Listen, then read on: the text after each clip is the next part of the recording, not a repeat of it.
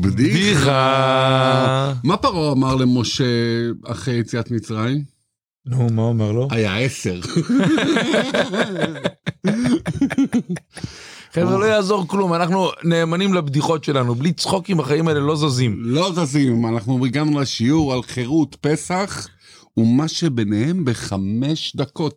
אנחנו פותחים בסערה עם סיפור אדיר מבית הכלא, אני לא רוצה להגיד פרטים, בדרום הארץ, חבר ידיד טוב שלי, יום אחד בא אליי באלגנטיות ואומר לי, ישראל ביום ראשון נכנס לכלא.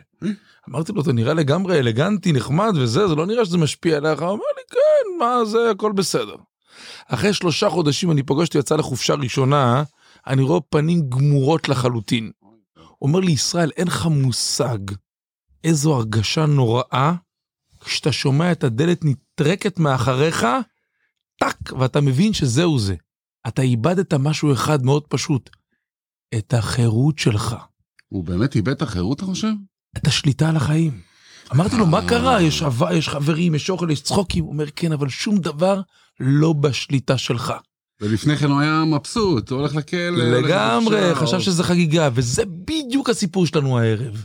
האם אנחנו שולטים בחיים שלנו? האם אנחנו בידיים של עצמנו, או שמישהו שולט בנו? זה הנושא שלנו, אנחנו יוצאים לדרך. ערב, צו, ערב טוב צבי וילור צידון. ערב טוב ישראל. ערב טוב ומבורך לעם ישראל.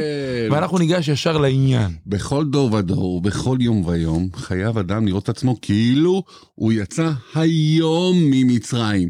היציאת מצרים זה מציאה פרטית מהמיצרים וההגבלים שבתוכנו.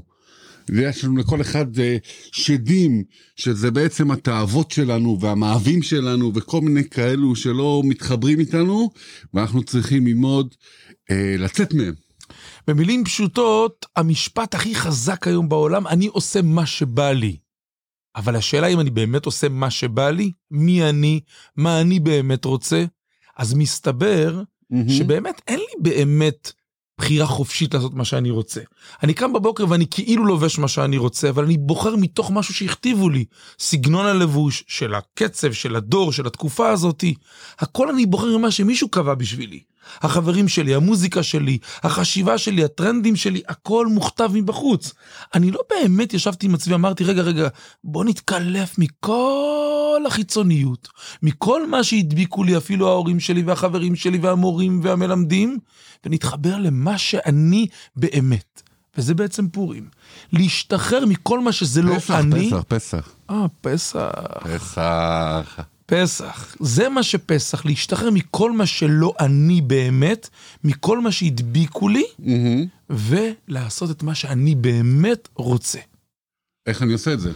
איך אני? עושה את זה? אז באמת, האמת האמיתית היא שזה קצת מבלבל.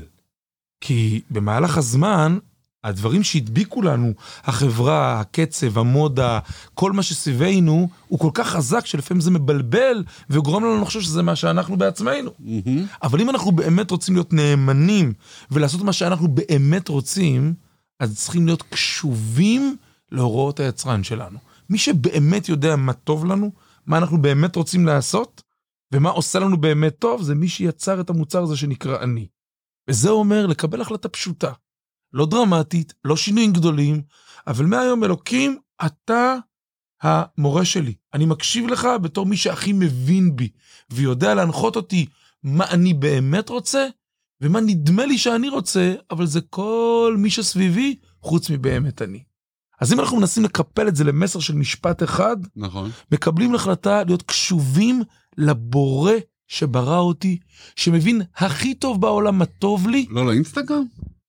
לא לאינסטגרם, לא לאלוקי האינסטגרם, לא לאלוקי הפייסבוק, לאלוקי השמיים והארץ, לאלוקיי נשמה שנתת בי טהוריי, תאמינו לי, הקשבה למלך הבריאה אין בה אכזבה. אין בה אכזבה, היא נותנת לך את התחושה, כן, זה אני, זה אני האמיתי השלם. אז חבר'ה, לא צריכים דרמות, לא צריכים לרוץ לבית הכנסת ולהסתגר שם חודשיים, צריך לקבל החלטה עקרונית. אנחנו מתחילים להיות קשובים בקטנות, בדקות, למסר של אלוקים, ואז לחוש באמת חירות אמיתית. זה מה שאתה אומר, נשמה שבראת בי, טהורה היא, הקדוש ברוך הוא נתן לנו נשמה טהורה, בוא נתחבר אל עצמנו, לנשמה שלנו הטהורה, לדברים הטהורים, ליצר הטוב שלנו, ובעזרת השם נהיה בני חורים. אתה, אתה בני חורין, לך עוד אתה אתה להגיד? חורין, שניות? חורין. אוהב אתכם. אוהב אתכם חברים. תירשמו, תעשו לייק, תפיצו לחברים שלכם. ויאללה בוא נצא לחירות אמיתית חברים בכל יום ויום.